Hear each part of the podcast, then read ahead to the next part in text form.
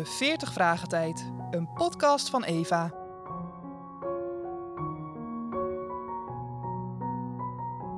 Dag 34.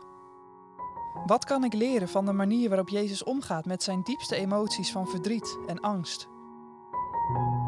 We lezen Lucas 22, vers 35 tot en met 53. Jezus vroeg aan zijn leerlingen: Een tijd geleden stuurde ik jullie op reis zonder geld, tas of schoenen. Misten jullie toen iets? De leerlingen antwoordden: Nee, helemaal niets. Toen zei Jezus: Maar nu is het anders. Neem je geld mee en neem je tas mee met je spullen. En als je geen geld hebt om een zwaard te kopen, verkoop dan je tas. Luister, in de heilige boeken staan deze woorden. De mensen behandelden hem als een misdadiger. Die woorden gaan over mij. Dat moet gebeuren. De tijd daarvoor is nu gekomen.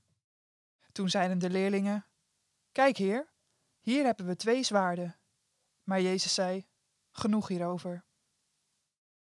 Jezus ging de stad uit. Hij ging naar de olijfberg, zoals altijd. De leerlingen gingen met hem mee. Toen ze op de berg waren, zei Jezus: Bid God om kracht, zodat je geen verkeerde keuze maakt. Daarna liep hij zelf een stukje verder. Hij knielde en begon te bidden. Vader, als u het wilt, houd dit zware lijden bij mij weg, maar doe wat u wilt, niet wat ik wil. Toen kwam er een engel uit de hemel om Jezus kracht te geven. Jezus was bang en ging steeds harder bidden. Zijn zweet viel in grote druppels op de grond. Het leken wel druppels bloed. Toen Jezus klaar was met bidden, stond hij op en ging hij naar zijn leerlingen. Die waren van verdriet in slaap gevallen. Jezus zei: Waarom slapen jullie? Bid God om kracht, zodat je geen verkeerde keuze maakt. Terwijl Jezus dat zei, kwam er een groep mannen aan. Judas, een van de twaalf leerlingen, liep voorop. Hij ging naar Jezus toe en groette hem met een kus. Maar Jezus zei: Judas, verraad je de mensenzoon met een kus? Toen de leerlingen begrepen wat er ging gebeuren, vroegen ze: Heer, zullen wij onze zwaarden pakken? En een van de leerlingen pakte zijn zwaard en sloeg de knecht van de hoge priester. Hij sloeg zijn rechteroor eraf. Maar Jezus zei: Stop, genoeg. En hij pakte het oor en maakte de man weer beter. Er waren priesters, officieren van de tempel en leiders van het volk meegekomen om Jezus gevangen te nemen.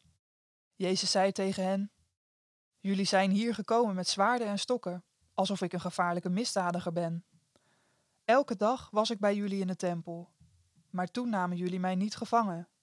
Nu is het moment gekomen waarop jullie gewacht hebben. Nu laat de duisternis haar macht zien. Wat kan ik leren van de manier waarop Jezus omgaat met zijn diepste emoties van verdriet en angst? Het antwoord. Het lijkt erop dat Jezus hier zegt: Tot nu toe was ik steeds bij jullie en heeft het jullie aan niets ontbroken. Nu moeten jullie jezelf zien te redden, onder andere door een zwaard te kopen. Dat Jezus echter geen letterlijk zwaard bedoelt, blijkt duidelijk uit zijn afkeurende reactie op Petrus, die in Gethsemane de knecht van de hoogste priester het oor afsloeg. Nee, Jezus bedoelt dat zijn volgelingen zich op geestelijk gebied moeten wapenen met het oog op de verdrukking die, in navolging van Christus, over hen zullen komen. Als de volgelingen dan ook met letterlijke zwaarden komen aanzetten en Jezus antwoordt: Het is genoeg, klinkt dat bijna als: Ik heb genoeg van jullie onbegrip. Jezus gaat zijn volgelingen voor op de weg naar de tuin Gethsemane. Zij moeten waken en bidden, opdat zij de beproeving zullen doorstaan. Intussen vraagt Jezus zelf aan de Vader of er toch nog een mogelijkheid is dat de drinkbeker van het afschuwelijke lijden aan hem voorbij zal gaan. Jezus, de Zoon van God, is hier op zijn oermenselijkst. Hij is bedroefd en angstig. Zelfs een engel uit de hemel moet hem komen versterken. Toch zondigt Jezus niet, want ook nu maakt hij zijn eigen verlangens ondergeschikt aan de wil van de Vader. Als er geen andere weg is dan de beker tot de laatste druppel te ledigen, als het hel op geen andere manier kan worden verwerkelijkt, dan zal hij de beker drinken. Onmiddellijk daarna verschijnen zijn vijanden, aangevoerd door Judas, die Jezus verraadt met een kus. Jezus reageert intens bedroefd. Ook maakt hij zijn tegenstanders verwijten dat zij zwaar bewapend op hem afgekomen zijn, alsof hij een crimineel is. Maar dan volgen de veelzeggende woorden: Dit is jullie uur en de macht der duisternis. Dat betekent: Jullie uur is het uur van de duistere machten, Want jullie, zowel Judas als de soldaten, zijn niets anders dan instrumenten van Satan. Maar let wel, dit betekent niet dat de satanistische machten over Jezus zegevieren. Zoals de soldaten instrumenten van Satan zijn, zo is Satan slechts een instrument in de hand van God om het grote helsplan te verwezenlijken. Alles gebeurt volgens het vastgestelde raadsbesluit van de voorkennis van God.